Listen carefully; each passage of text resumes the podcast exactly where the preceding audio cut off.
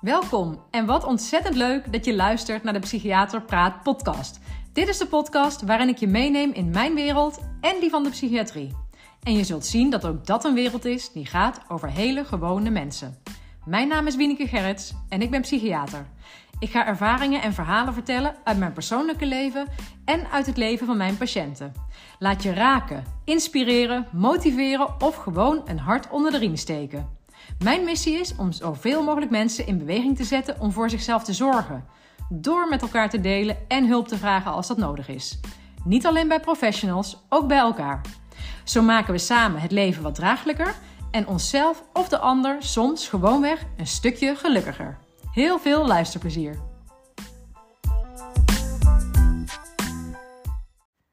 Goedemiddag en welkom bij de Psychiater Praat podcast. Superleuk dat je luistert. Voordat ik overga naar het onderwerp van vandaag, doe ik nog even een oproep voor mijn eigen praktijk. Want ik zei het laatst ook al een keer, maar ik ben nog op zoek naar deelnemers voor een groepscoaching.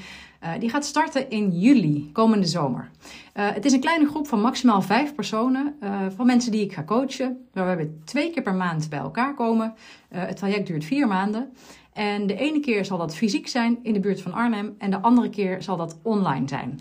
En uh, mensen komen bij mij met een hulpvraag, eigenlijk omdat ze in een situatie zitten die hen niet bevredigt, die niet prettig is, of misschien waar ze zelfs ongelukkig in zijn. En ik ga je helpen om te onderzoeken van wat zijn dan eigenlijk wel je verlangens, wat zijn de waarden waar je naar leeft, wat is de toekomst waar je naartoe zou willen bewegen. En ik heb zelf ervaren een aantal jaar geleden dat coaching daar enorm bij kan helpen.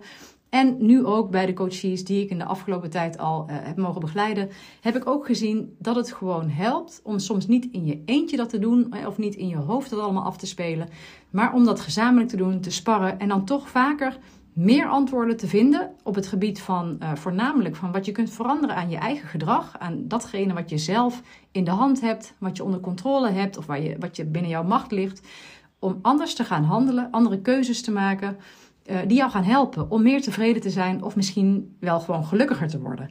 Dus mocht je daar interesse in hebben, neem dan even contact met mij op. Uh, dat kan via mijn e-mail info.winikegerrits.nl um, ehm, Ja, ook als je er meer informatie over wil, dan uh, geef ik je die heel graag, want ik zou het heel leuk vinden als het groepje vol komt met vijf personen om dan aan de slag te gaan. Zo, dat gezegd hebbende. Vandaag, de titel gaf het natuurlijk al aan, gaat het over chronische pijn. En misschien denk je wel, joh, je bent de Psychiater Praat podcast, je bent psychiater. Waarom heb je het over chronische pijn? Dat komt eigenlijk voornamelijk omdat het een persoonlijk ervaringsverhaal is. Ik heb zelf uh, last gehad van chronische pijnklachten. Als je mij al langer uh, luistert, dan, dan weet je dat misschien al. Uh, zo niet, dan, dan neem ik je daar zo in mee. dus ik weet zelf hoe het is om lange tijd pijn te hebben en de gevolgen daarvan te ervaren. Maar daarnaast is het ook zo dat ik als psychiater en ook voordat ik psychiater was, uh, als uh, arts uh, en als co-assistent, ook natuurlijk al heel veel mensen ben tegengekomen die pijn hebben. En um, ik deel dit voornamelijk dus van, als ervaringsdeskundige. Dus het, ja, het gaat mijn persoonlijke verhaal zijn en ik neem ook voorbeelden mee van die ik in de loop der jaren ben tegengekomen van andere mensen. Maar het is dus niet een, uh, een informatieve podcast uh, waarbij ik de laatste stand van de wetenschap rondom pijn ga presenteren. Uh, als je daar overigens wel in geïnteresseerd bent, ook misschien na het luisteren van deze aflevering, dan kan ik je de Pijncast aanraden. Dat is een podcast over pijn van twee artsen, twee revalidatieartsen, pijnrevalidatieartsen. Uh, die daar een hele informatieve podcast over hebben opgenomen met, ik geloof, acht afleveringen. Ik heb er zelf uh, her en der stukjes van geluisterd en vond het heel informatief, ook heel erg herkenbaar. Dus uh, nou ja, dat kan nog een tip zijn mocht je er geïnteresseerd in zijn. En waarom vertel ik dit? Dat is één, omdat ik denk dat pijn bij veel mensen voorkomt. Dus ik ben er ook van overtuigd dat er onder mijn luisteraars, misschien jij wel, ook last kan hebben van pijn, chronische pijn misschien of gehad hebt. Um, en ik weet ook dat eigenlijk uh, psychische klachten of psychische stoornissen uh, zijn eigenlijk een, uh, hoe zeg je dat? Die verhogen het risico of die maken de kans groter dat je ook pijnklachten hebt. Dat is ook waarom ik uh, in mijn praktijk, zeg maar, in, in, mijn, in mijn carrière, ook uh, in de psychiatrie juist, ook veel mensen ben tegengekomen die pijn hebben. Dus ik denk dat er ook onder mijn luisteraars meerdere mensen zullen zijn die misschien wel luisteren vanuit het patiëntenperspectief, hè, vanuit het interesse in mij als psychiater, omdat jij misschien zelf lijdt aan psychische, psychische klachten. Maar dan zou het ook heel goed kunnen zijn dat er onder jullie ook mensen zijn die dus ook daar ook pijnklachten hebben. Daarnaast weet ik ook dat er een heleboel hulpverleners luisteren hiernaar. En hoop ik ook zelfs dat ik misschien door een inkijk te geven in zo'n persoonlijk verhaal, ik misschien ook iets kan bijdragen aan de houding jegens mensen met pijn. Want die is echt niet altijd om over naar huis te schrijven. Gelukkig heb ik daar zelf eigenlijk niet zo'n super slechte ervaring mee. Maar ik heb het wel van heel veel patiënten gehoord dat ze daar hele slechte ervaringen mee hebben. Nou, om even ehm, mijn verhaal in een notendop, zeg maar. Ik, uh, het is nu 2023. Uh, eh, in 2013 begonnen bij mij voor het eerst pijnklachten. Uh, ik was toen zwanger van mijn eerste kind. Um, in die zwangerschap heb ik veel pijn gehad. In 2015 heb ik mijn tweede zwangerschap gehad. Opnieuw veel pijnklachten. In mijn derde zwangerschap 2017 opnieuw. ook per zwangerschap werd het erger en, en beperkender. En uh, na de geboorte van mijn derde zoon, zes jaar geleden inmiddels, um, heb ik aanhoudende pijnklachten gehouden. En ja, want bij chronische pijn, chronisch uh, onderscheidt zich van acuut. Acuut is heel vaak als er een duidelijke aanleiding is die acuut pijn geeft en die ja, afhankelijk van het letsel, zeg maar, uh, ook weer overgaat. niet altijd. Als het niet overgaat, wordt het chronisch. Maar Chronische pijn is er dus vaak langer. Ik, ik geloof dat de definitie uh, zegt langer dan drie maanden. Uh, maar chroniciteit, chronische pijn is dus pijn die langer bestaat, langere tijd. En waarvan um, op een gegeven moment soms ook niet de oorzaak duidelijk is. En ook daar heb je weer twee richtingen, of ja, hoe zeg je dat? Twee groepen. Uh, je hebt aandoeningen die chronische pijn geven. Dus dan weet je wel eigenlijk wat de oorzaak is. Maar dat valt niet altijd weg te nemen of uh, soms wel te onderdrukken met bijvoorbeeld pijnmedicatie of andere medicatie. Maar er zijn aandoeningen waarvan bekend is dat ze pijn geven, langere tijd, dus chronisch. Maar er is ook een groep mensen die pijn heeft wat eigenlijk niet goed aanwijsbaar is waar het vandaan komt. Dus misschien is er geen acuut moment geweest dat het ontstond uh, en is er ook niet een een plek in het lijf te vinden waar schade is, of hè, dus wat je kunt duiden, niet een aandoening aan te wijzen. Uh, en dan is het eigenlijk minder goed begrepen chronische pijn. Nou, van deze laatste groep ben ik in mijn uh, carrière uh, behoorlijk veel mensen tegengekomen. Um, en dat zijn bijvoorbeeld binnen de psychiatrie ehm, zijn er vaak mensen bij mij gekomen, natuurlijk met een, een psychische stoornis. Hè, dus die kwamen, werden verwezen met psychische klachten. Maar dan was er bijvoorbeeld sprake van fibromyalgie. Dat is een aandoening of een, een, een, overkoepelende beschrijvende term voor mensen die chronische pijn hebben aan spieren en pezen, uh, waarvan eigenlijk uh, niet altijd. Je kunt niet een bloedtestje doen en zeggen: Oké, hier komt fibromyalgie uit. Nee, dat is vaak niet eigenlijk duidelijk aan te wijzen. Zo zijn er meerdere um, chronische pijnsyndromen waarbij we niet duidelijk weten hoe het zit. En vroeger heette dat dan vaak SOLK. Dat, is, dat stond voor uh, somatische onvoldoende verklaarde lichamelijke klachten. Tegenwoordig is die term veranderd in ALK. Dat staat voor aanhoudende lichamelijke klachten. Um, omdat daarmee eigenlijk uh, dat stukje weggaat, weggehaald wordt van of het nou wel of niet verklaard is. Um, want die term solk was daar dus heel erg op gericht dat je dat eigenlijk altijd zou willen weten. Van waar komt de pijn vandaan? En als we het wel verklaard hebben, ja, dan, dan weten we wat het is. Dan weten we wat we moeten doen en wat we wel of niet kunnen doen eraan. En het andere deel is dan van als we het niet genoeg verklaard krijgen. En dan is het soort vaag. En daar heerst ook best wel een stigma op. Zo van dan, hè, dan zit het tussen je oren. Of uh, dan ben je een aansteller. Of dan uh, kun je niet zo goed tegen het leven. Of nou ja, tenminste, ik heb van alles voorbij horen komen. Terwijl bij die nieuwe term, ALK, komen die groepen eigenlijk bij, daar vallen die beide groepen onder. Dan is het eigenlijk ongeacht of je een aanknopingspunt hebt, een fysiek of een biologisch substraat hebt. Ongeacht zeg je gewoon, het zijn aanhoudende, lichamelijke klachten. En die kunnen echt enorm beperkend zijn. Nou, dat heb ik dus ook ervaren in de laatste jaren. Um, maar uh, dus nog voordat ik zelf met die pijnklachten te maken kreeg, heb ik uh, veel mensen daarmee gezien. En ik moet zeggen, ik ben eigenlijk niet gecharmeerd van de houding van veel van mijn collega's in de zorg. Um, een heleboel ook wel hoor. Dus uh, het grootste deel gaat daar misschien heel oké mee om. Maar ik heb helaas ook behoorlijk veel ervaringen waarbij ook verhalen van patiënten kwamen, die bij mij terechtkwamen. Maar ook soms gewoon gezien hoe collega's daarop reageren. Dat um, eigenlijk mensen met chronische pijn, zeker wanneer die niet goed verklaarbaar is, ze toch vaker minder serieus genomen worden. En um, op zich um, zijn het ook niet altijd de makkelijkste patiënten om tegenover je te hebben, zeg maar. Dus dat nog even als een soort van begrip of verplaatsing in de, in de zorgverlener en de hulpverlener. Um, heel vaak iemand die al langere tijd met pijn kampt, die, um, en die al bijvoorbeeld bij allerlei andere artsen is geweest, hè, of door de medische molen is geweest, ja, die is zelf, die, die lijdt die voelt zich niet begrepen, want die wordt ook, hè, de pijn wordt niet begrepen.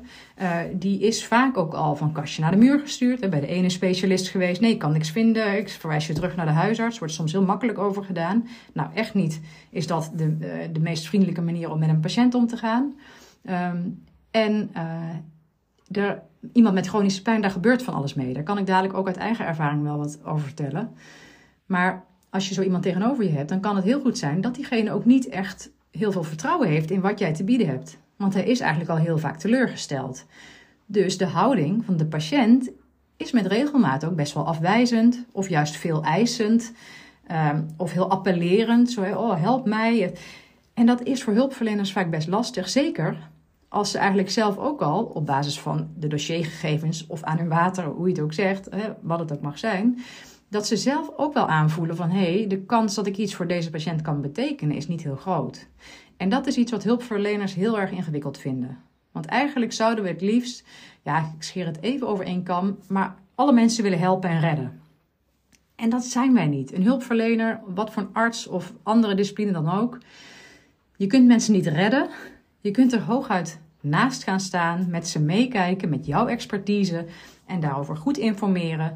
En dan ook goed kijken, niet alleen maar naar, oh, ik heb pijn, maar ook wat betekent het voor jou en hoe gedraag je je daarnaar. En, en dat is wat ik helaas uh, ook heel vaak heb gezien dat niet is gebeurd. En gelukkig, ik weet wel, ik bedoel, ik ben ook zo opgeleid dat je daar dus wel naar kijkt. En ik ben uh, sinds 2003 uh, werd ik, uh, deed ik de studie geneeskunde. Dus in die tijd al was daar meer aandacht voor. Maar ik denk wel dat het, een, ja, dat het veel een lange adem nodig heeft dat dit helemaal in de, in de medische zorg geïntegreerd is. Dat je dus niet alleen maar testjes doet en kijkt van, oh nee, we hebben niks gevonden, dus u heeft niks. Ja, dat is echt een beetje achterhaald. En um, ja, gelukkig zie ik wel dat dat steeds meer begint door te dringen tot de verschillende uh, medisch specialismen. Maar ook ik heb nog, en dat is nog maar tien jaar geleden of zo, denk ik, ik weet niet precies, dat ik uh, uh, als psychiater een opleiding een tijd stage liep op een afdeling neurologie. Dat ik meekeek met iemand die bijna afgestudeerd was als neuroloog. En die inderdaad gewoon uh, empathieloos tegenover een vrouwelijke patiënt zat. Die pijn had in haar gezicht. Die gewoon zei: We hebben allemaal tests gedaan. Uh, uw zenuwen zijn intact. Um, dus we hebben niets gevonden. Er is niets aan de hand. U kunt weer terug naar de huisarts. En dat vond ik zo beperkt. Zo tekortschietend. En nou ja, wat ik al zei, ik, uh, dit is niet het enige voorbeeld, helaas. Ik heb het gewoon vaker gezien en zeker ook van mijn patiënten in de psychiatrie dan heel vaak teruggehoord dat er eigenlijk dat ze ja, toch eigenlijk weinig uh, steun of zorg krijgen. En ook dat doet weer heel veel met een mens. Nou, uh, dus ik ben sowieso wel ja, altijd geïnteresseerd geweest in in die onbegrepen, in die onbegrepenheid. Ik denk, ja, dat, dat zegt ook iets over de beperkingen van ons model. En hè, gelukkig is het, uh, worden we in de, in de medische wetenschap tegenwoordig dus niet alleen maar opgeleid volgens een biologisch model, hè, dat we alleen maar kijken naar de biologie van het lichaam. Uh, tegenwoordig uh, hoor je misschien ook zelf vaker het biopsychosociaal model. Dus je kijkt naar biologische factoren, je kijkt naar psychologische factoren en naar sociale factoren. Die drie domeinen worden voornamelijk nu uh, gehanteerd in de geneeskunde. En daarbinnen kijk je dan weer enerzijds naar wat maakt iemand op zichzelf al kwetsbaar voor het ontwikkelen van een bepaalde aandoening. Bijvoorbeeld kun je dat dus ook toepassen op wat maakt iemand in de basis al kwetsbaar voor uh, het uh, ontwikkelen van een chronisch pijnprobleem, pijnsyndroom. Ehm, dat kunnen dus biologische factoren zijn, genetische factoren. Uh, maar dat kunnen bijvoorbeeld ook, uh, een, um, nou, wat ik net al zei, hè, mensen die bijvoorbeeld een depressie of een angststoornis of een andere psychische stoornis hebben doorgemaakt, ook al is dat weg, zeg maar, ook al is dat er niet meer, dan nog heeft iemand een grotere kans om een pijnsyndroom te ontwikkelen. Um, op sociaal vlak ook, gaat ook over als je juist heel geïsoleerd bent, helemaal geen steunsysteem hebt, is je kans groter dat je bepaalde aandoeningen krijgt dan wanneer je een heel groot steunsysteem hebt. Dus je hebt um, uh, genetisch, of uh, biologische factoren, genetisch, die zeg maar een kwetsbaarheid, uh, of onder andere ook genetisch moet ik zeggen, hè, maar dus je hebt factoren die je kwetsbaar maken, zowel biologisch, psychologisch als sociaal. Dan heb je uitlokkende factoren, dus iets wat er bijvoorbeeld gebeurt. Uh, nou ja, bij uh, pijn kan dat bijvoorbeeld zijn, als je het over biologisch hebt, dat je bijvoorbeeld een ongeluk hebt, waarbij uh, je een bepaalde breuk oploopt of schade, een wond, verwonding, wat dan ook. Um, dat dat kan dan een uitlokkende factor zijn. Um, psychologisch kan zijn dat er omstandigheden zijn die jou um, nou ja, kwetsbaarder maken, ontregelen. En sociaal ook. Denk bijvoorbeeld ook aan het verlies van belangrijke personen of en dan heb je vervolgens nog de instandhoudende factoren, de onderhoudende factoren. Dus ik weet niet of je het helemaal voor je ziet, maar je hebt biopsychosociaal. En binnen alle drie die takken heb je nog zeg maar, kwetsbaarheden, uitlokkende factoren en onderhoudende factoren. Nou, um, waarom vertel ik dit zo uitgebreid? Omdat uh, ik denk dat het heel belangrijk is dat daar veel aandacht voor is. Omdat je dan niet meer blijft blind staren op van, oh, we hebben iets onderzocht en er is niks, dus we hebben niks gevonden, dus je hebt niks. Dat klopt dan niet meer. Want als je, het zou, als je een soort tabel van zou maken en je zou dus negen hokjes hebben, drie keer drie, dan kun je overal wel wat inschrijven. En dat heb ik ook voor mezelf gedaan. Um, ik heb net even dus kort verteld van mijn. Voor het eerst kreeg ik pijnklachten bij mijn eerste zwangerschap. Nou, die gingen daarna vrij vlot over. Bij de tweede zwangerschap werden de pijnklachten groter. Uh, de beperkingen groter. En duurde het langer, ruim een jaar, totdat ik hersteld was na mijn bevalling. Bij de derde zwangerschap, nou, weer een overtreffende trap. En dat is inmiddels zes jaar geleden dat ik bevallen ben. En sindsdien gingen mijn klachten eigenlijk niet meer weg. Sterker nog, er waren periodes daarna dat het erger was. En uh, als je dus die tabel zo voor je ziet, dan werd in het begin steeds gedacht van, nou ja, het zijn zwangerschapsfactoren die uitlokkend zijn, uh, voornamelijk biologisch, verweking van je banden en je, je, je bekkensysteem. En um, nou ja, ik heb als, uh, dat zou je kunnen zeggen, als kwetsbaarheid biologisch ben ik uh, hyperlax. Hyperlaxiteit, dus hypermobiliteit heb ik. Dus dat is dan, dan word je kwetsbaarder om uh, bijvoorbeeld een instabiliteit in je bekken te krijgen tijdens zwangerschappen. Dus in het begin was dat behoorlijk biologisch uitgelegd en daarmee voor mij ook wel behapbaar. Dat ik dacht, nou, het zijn wel hele vervelende klachten. ze beperken me enorm. Ik heb ook meer last dan iemand anders. Um, dan meer last dan gemiddeld. Maar dat vond ik wel te verdragen. Ik, was, ik denk dat ik ja, ook wel weer weerbaar was of zo. Dat ik dacht, nou ja, ja, ik heb een beetje pech, zou je kunnen zeggen. Maar zo zei het. En uh, er is zicht op verbetering straks als ik bevallen ben. Dus nou, dat kon ik wel handelen. Um, maar gaandeweg, toen die tweede keer nog erger werd en die derde keer nog erger, merkte ik wel dat ook de mensen die ik tot dan toe uh, geraadpleegd had, dus dat begon natuurlijk bij een verloskundige die ook uh, met me meewandelde en ook uitleg gaf over uh, en hun ervaringen met me deelde, waar vrouwen last van hadden tijdens zwangerschappen, waardoor ik me begrepen voelde. Nou, toen kwam ik ook op een gegeven moment ongelooflijk vaak bij de fysiotherapeut, de bekkenfysiotherapeut, waarbij ik nou, als ik het aantal uren dat ik in, een, uh, in de oefenruimte daarop doorgebracht uh, moest uitrekenen, dan is het heel veel. Um, maar ik begon ook te merken dat zij toch ook wel een beetje verbaasd waren soms door de beperkingen die ik had of de pijnklachten die ik had. Um, dus dat het, ik, ik was niet iemand volgens het boekje. Ook niet volgens het boekje van, van ja, wat is populair gezegd, uh, bekkeninstabiliteit. Blijkbaar was ik toch een beetje een geval apart. Nou, dat bleek zeker nadat ik na mijn derde zwangerschap helemaal niet meer herstelde dat was het moment dat, um, dat ik ook bij de huisarts kwam. Dat ik zei, nou ja, volgens mij moeten we wel wat verder gaan kijken. Want uh, ja, ik, dit is niet helemaal uh, meer te begrijpen uh, waarom ik zoveel pijn heb en daarmee zo beperkt was. Want um, ik was enorm beperkt. Gewoon letterlijk mijn fysieke actieradius was klein. ik, ik, ik kon heel, helemaal niet goed langdurig zitten of langdurig. Ik kon dus eigenlijk gewoon niet een, een uur zitten. Dus ik kon ook niet even met de auto een uurtje ergens heen of met de trein. Of ik kon ook moeilijk mijn werk doen, want dan namen die pijnklachten steeds toe. En, maar niet alleen zitten, ook juist, ja, ik had toen dus drie kleine kinderen thuis zitten. Daar kon ik bijna niet voor zorgen. In het hele eerste jaar, volgens mij, nadat mijn jongste zoon geboren was, heb ik, als ik me goed herinner, elke dag hulp in huis gehad. In de zin, nou ja, hulp. Of mijn man, als hij thuis was, bijvoorbeeld in het weekend.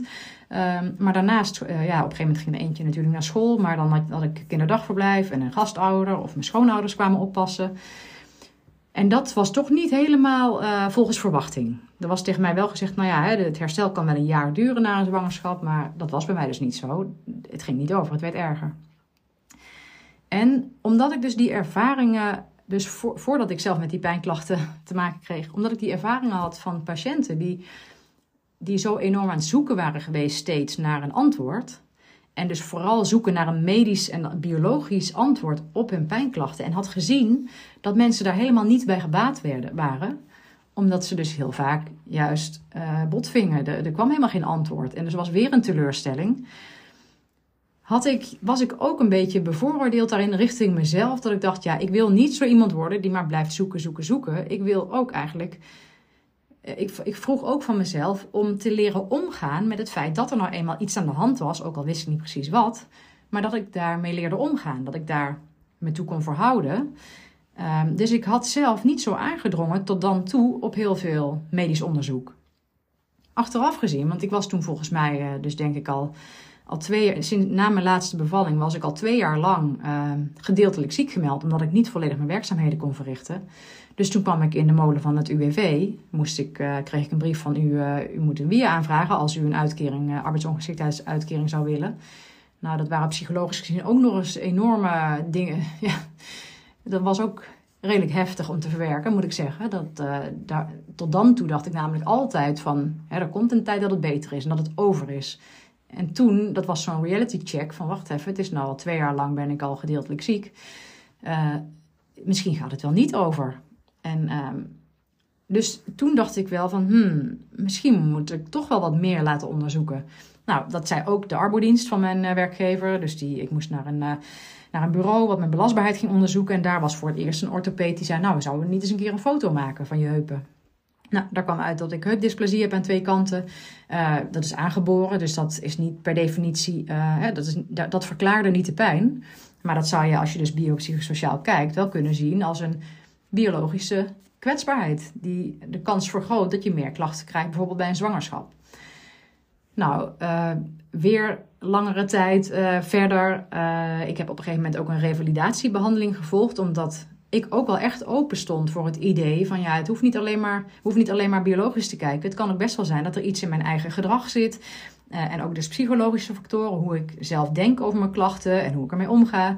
Ik geloofde er ook wel in dat daar ook um, uh, elementen waren die voor verbetering zouden kunnen zorgen. Want ik had wel door dat ik iemand was die ook wel zichzelf geneigd was te overbelasten en door te gaan.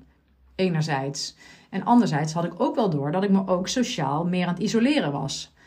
Niet omdat ik, ik ben juist echt een enorm sociaal dier. Ik heb het liefst zoveel mogelijk mensen om me heen gehad, altijd. Maar ja, ik, ik kon toen heel weinig. En zeker um, als je dan niet lekker in je vel zit omdat je pijn hebt, dan.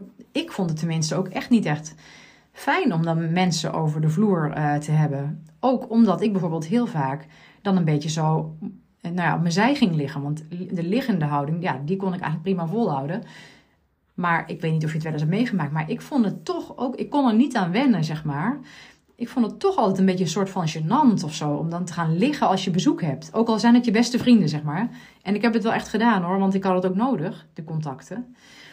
Maar wat ik dus heb gemerkt, wat pijn doet, is behalve dat het ja, dus pijn doet en dat het je gedrag beïnvloedt, dat het ook emotioneel zoveel met je doet en psychologisch. Want ja, natuurlijk deed het mij verdriet. Ik vond het echt gewoon heel erg dat ik dat had. Kijk, en in die eerste zwangerschap gaf ik dat wat minder aandacht. Omdat ik ook dacht van ja, ik weet wel dat ik het niet leuk vind, maar ik weet dat het tijdelijk is. En ik had ook iets heel positiefs om naar uit te kijken, namelijk geboorte van een eerste kind.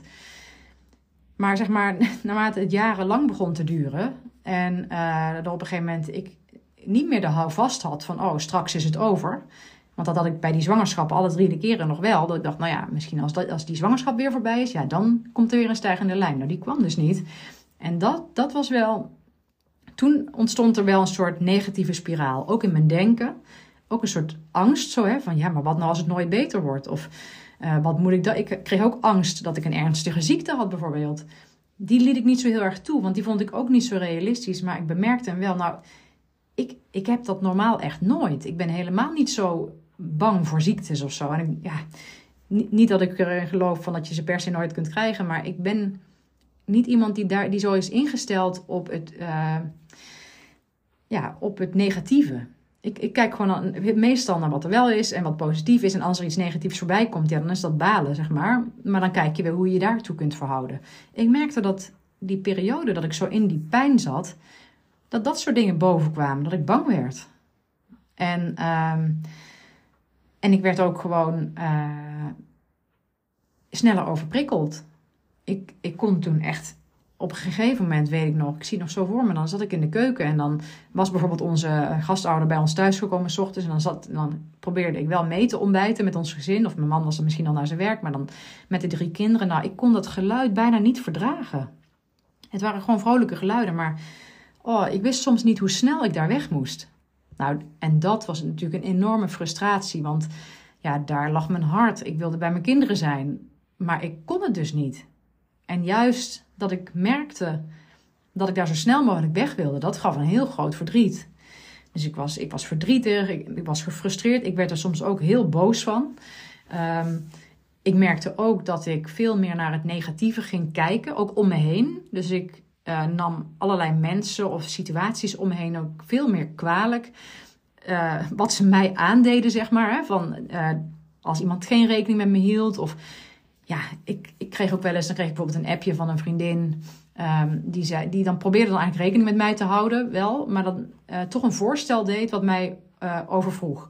Dus dan toch waar, waar je een stuk moest wandelen of zo. Of, en dan kon ik me daar echt boos over voelen. Denk ik, ah, je weet toch dat ik dat niet kan. Dus, snap je? Het, het was allemaal op, op een bepaald moment ook niet allemaal even redelijk. Maar het deed dus zowel emotioneel als cognitief wat met me. Ik kreeg echt angstige gedachten en ik werd ook heel rigide. dus stijf. Uh, niet, niet letterlijk in mijn lijf, maar in mijn denken en in mijn zijn. Uh, wij hadden toen dus, we, maakten heel veel gebruik van allerlei steun om ons heen. En, uh, en dan was het wel eens zo dat bijvoorbeeld als mijn man een keer s'avonds een vergadering had. En hij zei, hij zei dat bijvoorbeeld een keer pas op de dag zelf of zo. Van, oh ja, vanavond ben ik een half uur later thuis, noem maar wat, hè, of een uur. En dat zou dus betekenen dat ik dat dat moest opvangen, nou dan kon ik helemaal in de paniek eigenlijk raken. Omdat ik gewoon echt angst had. En ik denk dat die angst ermee te maken had dat ik gewoon bang was om overbelast te raken en dus nog meer klachten of nog meer pijn te krijgen. Maar ik, ik, ik verloor daarmee ook mijn creativiteit in mijn denken, in uh, het zoeken van oplossingen daarvan. Dus ik reageerde daar ook meer emotioneel op. Nou, dat, dat zijn dus allemaal dingen die die erbij kwamen of komen kijken. In ieder geval in mijn geval was het zo. En ik, ik weet dat veel mensen dat ook hebben. Dat pijn is niet alleen maar iets fysieks, maar dat doet zoveel met gewoon hoe je je voelt en wie je bent. En ik weet nog dat ik um, dus inderdaad in die periode uh, na mijn laatste bevalling en ik die revalidatiebehandeling achter de rug had. En daarna kreeg ik eigenlijk weer een terugval, zo gezegd. Kwamen toch, toen ik probeerde mijn activiteiten weer op te pakken, uh, werden mijn pijnklachten weer heviger. Terwijl ik juist voor mijn gevoel heel erg gedisciplineerd me hield aan alle afspraken en adviezen die me gegeven werden. Ja, toen raakte ik echt op een gegeven moment wel een beetje wanhopig. Zeg ze van ja, maar wat dan nu dan nog? En ik denk eigenlijk dat dat, dat voor mij wel een centraal thema is rondom pijn, dat het me zo onzeker heeft gemaakt. En ik denk dat dat voor veel mensen herkenbaar is. Als je luistert nu en jij hebt ook pijn of pijn gehad of zo, ik kan me eigenlijk niet anders voorstellen dan dat je dat kent dat het je zo onzeker maakt. Want ja, wat ik bijvoorbeeld ook heel vaak zeg, ook in andere afleveringen, is hè, dat je zo mag luisteren naar je intuïtie. Dat je eigenlijk diep van binnen over het algemeen wel voelt wat goed voor jezelf is. En ja, je intuïtie is natuurlijk iets anders dan je lijf. Maar ja, je intuïtie zit voor mijn gevoel wel ook in je lijf. Hè? Dus je, je moet ook luisteren naar je lichaam. Terwijl toen ik pijn had en um, ja, en ik allerlei, met name op, op het lichaam gericht, allerlei behandelingen had gevolgd. Hè, fysiotherapeutisch voornamelijk, werken aan kracht en conditie, et cetera. Ook juist bijvoorbeeld in die revalidatie leerde ik van je moet eigenlijk niet luisteren naar je pijn. Want uh, bij chroniciteit is het eigenlijk zo dat je over het algemeen, ik zeg het even een beetje uh, bazaal, maar je hebt eigenlijk een overgevoelig uh, brein gekregen. Over het algemeen um, ja, je, geven je hersenen dan eigenlijk sneller of meer signalen van pijn die eigenlijk niet. Um, pijn is eigenlijk bedoeld om je te waarschuwen voor gevaar, zeg maar. En bij chroniciteit is, klopt dat niet meer helemaal. Dus je zou kunnen zeggen, je, je brein, de pijn die, uh, dat signaal wat je krijgt, is eigenlijk niet helemaal realistisch. Of tenminste hoeft dat niet te zijn. Dus vanuit die gedachte snap ik wel dat er ook werd gezegd: luister niet naar de pijn. Maar waar moest ik dan nog wel naar luisteren? Ik had jarenlang naar allerlei hulpverleners geluisterd, naar allerlei medisch specialisten geluisterd. En het werd juist niet beter. En die onzekerheid, gewoon niet meer weten van wat is nou mijn kompas? Waar kan ik nou op varen? Dat vond ik echt een van de meest verschrikkelijke dingen. En ik denk dat ik nog uh, redelijk weerbaar ben. Ik zei dat net ook al, maar ik denk dat ik nog redelijk uh, over het algemeen denk in mogelijkheden. En wat ik nou ja, ook wel in mijn, in mijn goede doen eigenlijk heel creatief ben. En nadenken en plannen maken en aanpassen ook. Maar dat systeem die dat meebewegen was bij mij op een gegeven moment echt uitgeput. En toen ben ik op een punt gekomen uh, dat een collega van mij, uh, een psychiater, die werkt op een plek met mensen met chronische pijn. Um, dat hij zei van, uh, zou je niet eens een keer een antidepressivum proberen uit de groep van de SSRI's. De, ja, dat is een groep van antidepressiva. Nou, toen hij dat de eerste keer zei, toen dacht ik echt, het is een no-go. Ga ik niet aan beginnen. Ik was sowieso ook niet van de pijnstillers. Want daar waren wel mensen om me heen die zeiden van, ja, waarom doe je dat niet gewoon? Ja, dat is toch altijd, want ja, bij pijn hoort pijn is niet alleen maar de lichamelijke sensatie, maar het gaat ook over betekenisgeving die je eraan geeft. Hè? Van welke betekenis geef je aan je pijn? En um, ook al werd me dat soms dus als het ware afgeleerd, hè, van pijn is, is niet meer realistisch, die klopt niet helemaal, heb ik eigenlijk altijd, ik ben dat eigenlijk nooit verloren, ik heb altijd het gevoel gehad bij mijzelf van, ja, maar die pijn is een signaal dat ik niet op het goede spoor zit. En um, ook al weet ik dat het belangrijk is om je conditie op peil te houden en te blijven bewegen, heb ik ook altijd trouwens gedaan. Maar had ik toch het idee van ja, deze pijn die ik nu voel is wel een signaal naar mij dat ik iets moet aanpassen. Ik ben mezelf aan het overbelasten. En misschien niet zozeer omdat uh, dat heel specifiek lichamelijk aanwijsbaar is. Het, het, zou ook kunnen zijn dat ik me bij wijze van spreken uh, psychisch aan het overbelasten was. Of sociaal. Hè? Dus uh, ik zeg, op alle drie die domeinen kan dat zitten. Maar ik heb altijd gedacht van ja, maar die pijn is wel een signaal wat ik serieus moet nemen. En daar paste niet zozeer pijnstilling bij. Nu moet ik wel zeggen dat ik dat soms wel deed. Eigenlijk gecalculeerd als ik wist van nou, uh, een van mijn kinderen is jarig en we, nodigen wel familie uit om, om een feestje te geven. Nou, dat, dat wist ik in die tijd van, van dat is gewoon overbelastend. Nou, dan nam ik wel pijnstilling, pijnstilling om dat dan toch voor mezelf wat aangenamer te maken. Maar ik was niet iemand die dacht van ik ga dat elke dag doen en dan gewoon maar blijven doen waar ik mee bezig ben. Want ik geloofde gewoon, ik moet iets veranderen in mijn leven. Nou, dus ook toen die uh, collega dat zei over zijn antidepressivum, toen dacht ik eerst nee, dat wil ik niet. En dat had niet alleen daarmee te maken, dat had er ook mee te maken dat ik er echt moeite mee had om als psychiater dat middel te slikken. En dat zeg ik hier nu ook gewoon open, want dat vind ik, eh, ja, hoe zeg je dat? Vind ik ook gewoon uh, mooi om te vertellen. Ik, heb, uh, ik ben in de psychiatrie, ik heb, daar wel, ik heb daar een keer een aflevering over opgenomen. Ik ben wel een voorstander van medicatie op, ja, op indicatie. Ik, ik geloof er wel in dat er veel te veel medicatie wordt voorgeschreven en niet altijd goed geïndiceerd wordt, maar zeker ook vaak niet op tijd wordt gestopt daarmee. Uh, dus ik, het is niet zo dat ik denk pillen, pillen, pillen, maar ik geloof zeker in de effectiviteit uh, bij bepaalde indicaties. Dus ik heb ook als psychiater ook medicatie voorgeschreven aan mensen, ook antidepressiva. En dan zeiden mensen ook wel eens van, ja, maar dat voelt zoals falen. En dan heb ik het gevoel dat ik het niet zelf doe. En dan heb ik altijd gezegd van, joh, uh, zo hoef je het niet te zien. Je mag ook denken van, hè, je, je, hebt een tijdje ondersteuning nodig. Of misschien wel langere tijd, dat, eh, afhankelijk van de casus. Maar hè, dat is helemaal niet erg om dat te aanvaarden. En toen merkte ik ineens, toen dat voorstel aan mijzelf werd gedaan, dat ik precies dezelfde gedachte had. Dat ik echt dacht, ja, maar daar ga ik niet aan beginnen. Want ik wil het zelf doen. En ik moet het toch zelf kunnen oplossen. Daar moet ik toch geen pil voor nodig hebben. Nou ja, uiteindelijk, volgens mij, hij had het al een keer geopperd, maar een jaar later, toen ik dus inderdaad echt een soort van wanhopig was van, ja, wat kan ik dan nu nog proberen? Toen dacht ik, ga het toch proberen. En uh, dat werkte direct. En dat is ook, bij een depressie bijvoorbeeld, uh, zeggen we vaak van heeft het vaak een aantal weken de tijd nodig om effect te krijgen op je stemming. Um, en dat is ook in de praktijk, heb ik dat ook vaker zo gezien, dat het een periode nodig heeft. Maar uh, wat, wat, deze collega ook zei, van er is wetenschappelijke onderbouwing voor dat ook de SSRI's ingrijpen op de receptoren in je hersenen, die, uh, de pijnreceptoren. Um, dus uh, van, van daaruit zou dat heel goed te verklaren zijn. Dat ik meteen eigenlijk na dag één merkte dat het een effect had op mijn pijnbeleving. de ervaring van pijn. En niet alleen dat, het had ook heel snel effect op me minder overprikkeld voelen. Dus eigenlijk beter prikkels kunnen verdragen om me heen. En uh, minder die rigiditeit te hebben die ik ervoer als er iets onverwachts was. Ik werd eigenlijk wat relaxer, zou je kunnen zeggen. Uh, dus uh, ik, heb, ik heb sertraline gebruikt. Um, dat heeft me wel degelijk een periode echt heel erg geholpen. Nou had ik er helaas ook bijwerkingen bij. En dat, ja, dat, dat weten we ook van de psychofarmaca in zijn algemeen, dat er ook vaak allerlei bijwerkingen zijn.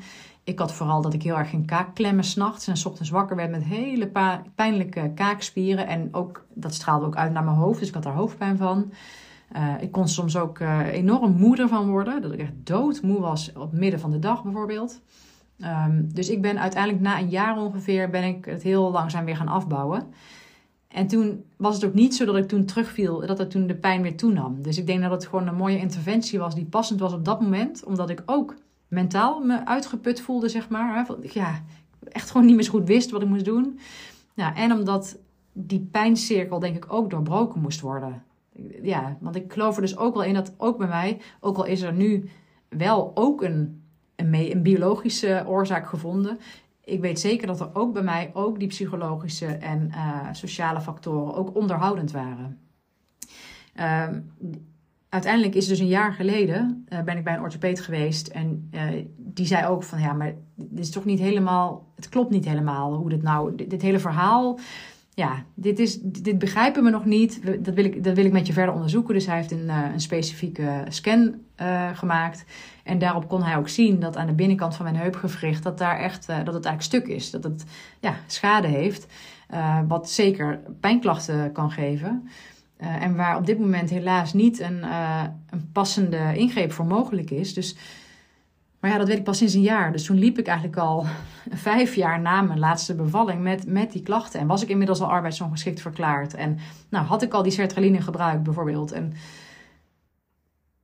en wat eigenlijk denk ik al daarvoor was, want ik hopte even naar het meest recente van, de, van, die, van die medische bevinding. Maar toen ik die sertraline had gebruikt en die ben gaan afbouwen, toen ben ik op een gegeven moment ook uh, zelf persoonlijke begeleiding gaan zoeken. Uh, um, eigenlijk buiten het medische circuit, maar ben ik, heb ik een coach opgezocht.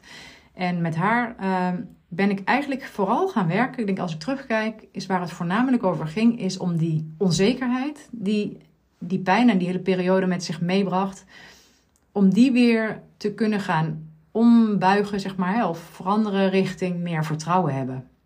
En uh, ik geloof dat ik dat ook wel eens eerder heb gezegd, van dat ik dat volgens mij het ergste vond uit die tijd, dat ik zo dat vertrouwen eigenlijk in mezelf kwijt was, van dat ik het, hè, dat ik het zelf wel wist, of dat ik er zelf altijd wel uit kon komen. Dat, ja, ik heb toen echt dus in een, in een in een periode gezeten dat ik dat niet meer voelde. Dat ik, dat, dat ik er zelf uit kon komen. En nou, gelukkig um, heeft zowel de revalidatie daaraan bijgedragen als die medicatie. En toen kwam ik bij die coach en daar, dat heeft me echt geholpen om weer steeds meer toch wel weer te gaan luisteren naar mijn eigen intuïtie. En dat heeft ook gemaakt dat ik rigoureuze beslissingen heb genomen uiteindelijk. Bijvoorbeeld om toen ik ook eenmaal wist van, nou ja, nu heb ik uh, een arbeidsongeschiktheidsuitkering. Toen kon ik ook, want dat vond ik toch voor mijzelf wel heel belangrijk, uh, dat ik dat vangnet had.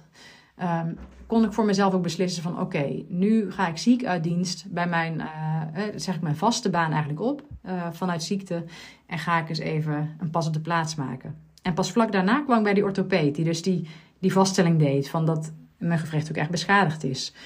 Maar dat was toch een soort van logisch dat dat bij elkaar kwam, uh, vond ik. Voor mij was dat een soort van logisch. Ik, ik ben dus op een gegeven moment um, gelukkig uit die negatieve spiraal gekomen, die, die de pijn met zich meebracht.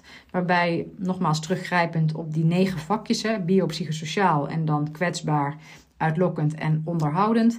Ik ben toch op verschillende van die blokjes wat dingen gaan doen. Dus zowel ben ik het beter gaan begrijpen, wat mijn kwetsbaarheden waren, Ik ben uh, gaan zien dat bijvoorbeeld zwangerschappen wel uitlokkend waren bij mij. Maar natuurlijk niet per se de oorzaak. En onderhoudend uh, ben ik ook gaan herkennen wat ik zelf deed uh, rondom mijn klachten. Um, en um, doordat ik daar een soort begrijpelijk verhaal van kon maken, en, ben, ik, ben ik gewoon mijn leven meer gaan aanpassen. En ik moet wel zeggen, of eigenlijk is het dus zo dat er, ja, medisch gezien, biologisch gezien moet ik eigenlijk zeggen, dus niet iets is veranderd. En zeker niet in positieve zin. Het is niet zo dat mijn probleem is opgelost. Maar als je mij nu vraagt hoe ik me voel, dan zou, dan, dan, zeg ik zo, dan zou ik dus zeggen, of dan zeg ik, ik ben nu echt super gelukkig met waar ik ben. En um, dit zeg ik niet uh, om te laten zien van, oh kijk mij eens. Ik, ik, ik zeg dit eigenlijk juist heel expliciet zo, omdat ik hiermee ook, ook uh, hoopgevend wil zijn. Uh, voor als jij luistert en jij uh, kampt ook met iets chronisch. En dat kan psychisch zijn, dat kan lichamelijk zijn. Of misschien wel inderdaad iets, iets wat je heel erg pijn doet. Wat ik net ook al zei, bijvoorbeeld een belangrijk verlies geleden van een dierbare persoon. Of, of van gezondheid. Of... Het, het hoeft niet per se weggemaakt te worden, opgelost te worden. Wil je je beter kunnen gaan voelen. En daar zit dus, daar, dat heb ik dus nu aan de lijf ervaren. Dat er dus zoveel haalbaar is vanuit jezelf. Eigenlijk heeft niemand anders dat voor mij gedaan, maar ik heb het eigenlijk zelf gedaan. Had er zoveel uit jezelf te halen dat ondanks dat misschien de situatie waar je zo'n last van hebt gehad er nog is, dat je toch, nou ja, dus wat ik nu dus net al zei, gewoon weer heel gelukkig kan worden. En daar hoop ik echt uh, dat ik je mee kan inspireren of kan raken van, ja, dat, ik, ik geloof erin dat dat uh, ja, voor heel veel mensen mogelijk is. En uh, toen ik daar middenin zat, in die lange periode van jarenlang, waarin ik toch echt heel ja, ontevreden was eigenlijk en, en, en ook aangedaan was om, om de situatie hoe het leven was. Ik heb toen heel vaak verlangd dat het over was. Dat ik terug kon kijken, dat het een verleden tijd was, dat die situatie er was. En de tijd heeft me veel langer geduurd dan dat ik me gewenst had. En nu, het is niet van de een op de andere dag veranderd, maar nu kan ik, realiseer ik me ineens van hé, hey, maar nu, nu kan ik het terugkijken noemen. Nu, die fase voelt voor mij als een soort van afgesloten. Dat was een, een tijd waarin ik veel geleden heb. Ik heb hem echt als heel zwaar ervaren, heel verdrietig ervaren. Um, maar nu kijk ik terug. Laatst zat ik met mijn man in de trein richting Amsterdam naar een feest van uh, mijn beste vriendin.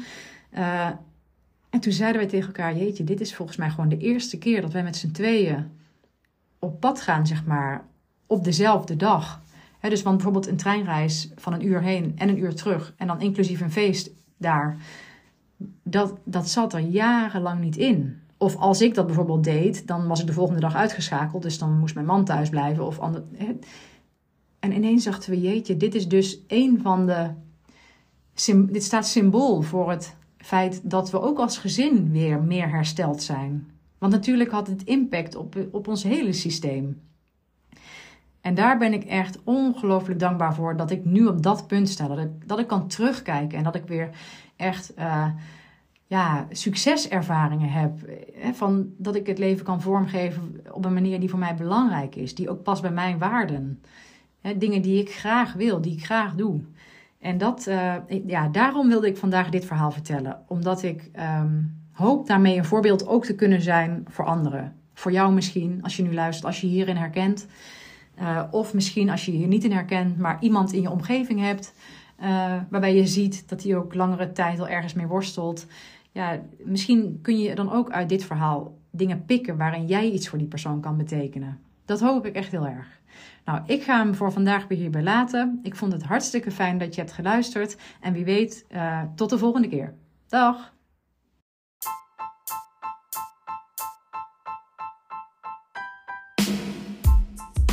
Ha, ik vind het echt super leuk dat je mijn aflevering beluisterd hebt. En nogmaals, heel erg bedankt daarvoor.